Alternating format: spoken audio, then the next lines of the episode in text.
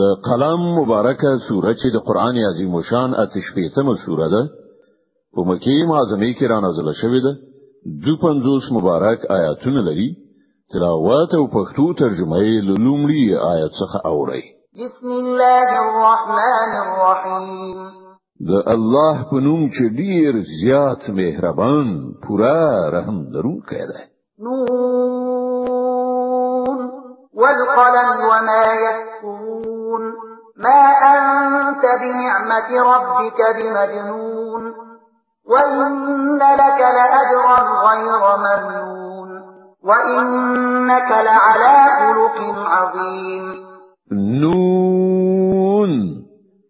قسم دی په قلم او په هغه څه چې لیکونکی لیکي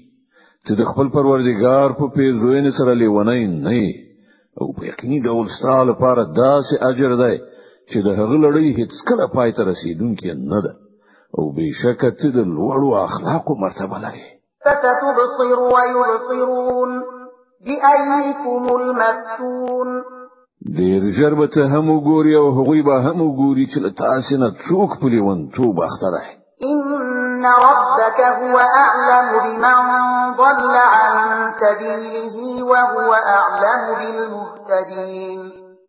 ستا پروردگار هغه خلک هم پیژني چې د هغه لارې نه بیلاری شوی دي او همغه هغه کسان هم خې پیژني چې پر سم لار دي فلا تطع المكذبين نو لدې کبل ته هیڅ کله د دغه دروغجن غنونکو تر هغه زیلاندې مرزه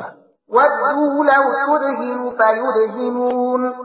دوی غواړي چې کته یو څه نرم شي نو دوی به هم نرمي وکړي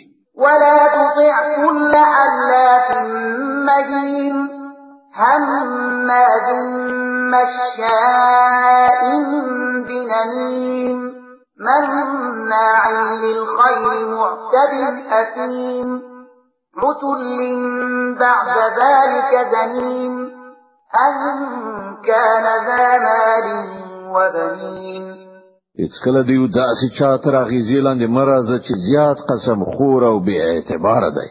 پیغورونه ورکوي خبرې وړي راوړي د نیکی منع کوونکی دی په ظلم او زیاتی کې له حد تیریدونکی دی سخت بد عمل دی دلازار دی او د دې ټول عیبونو ترڅنګ بدذات دی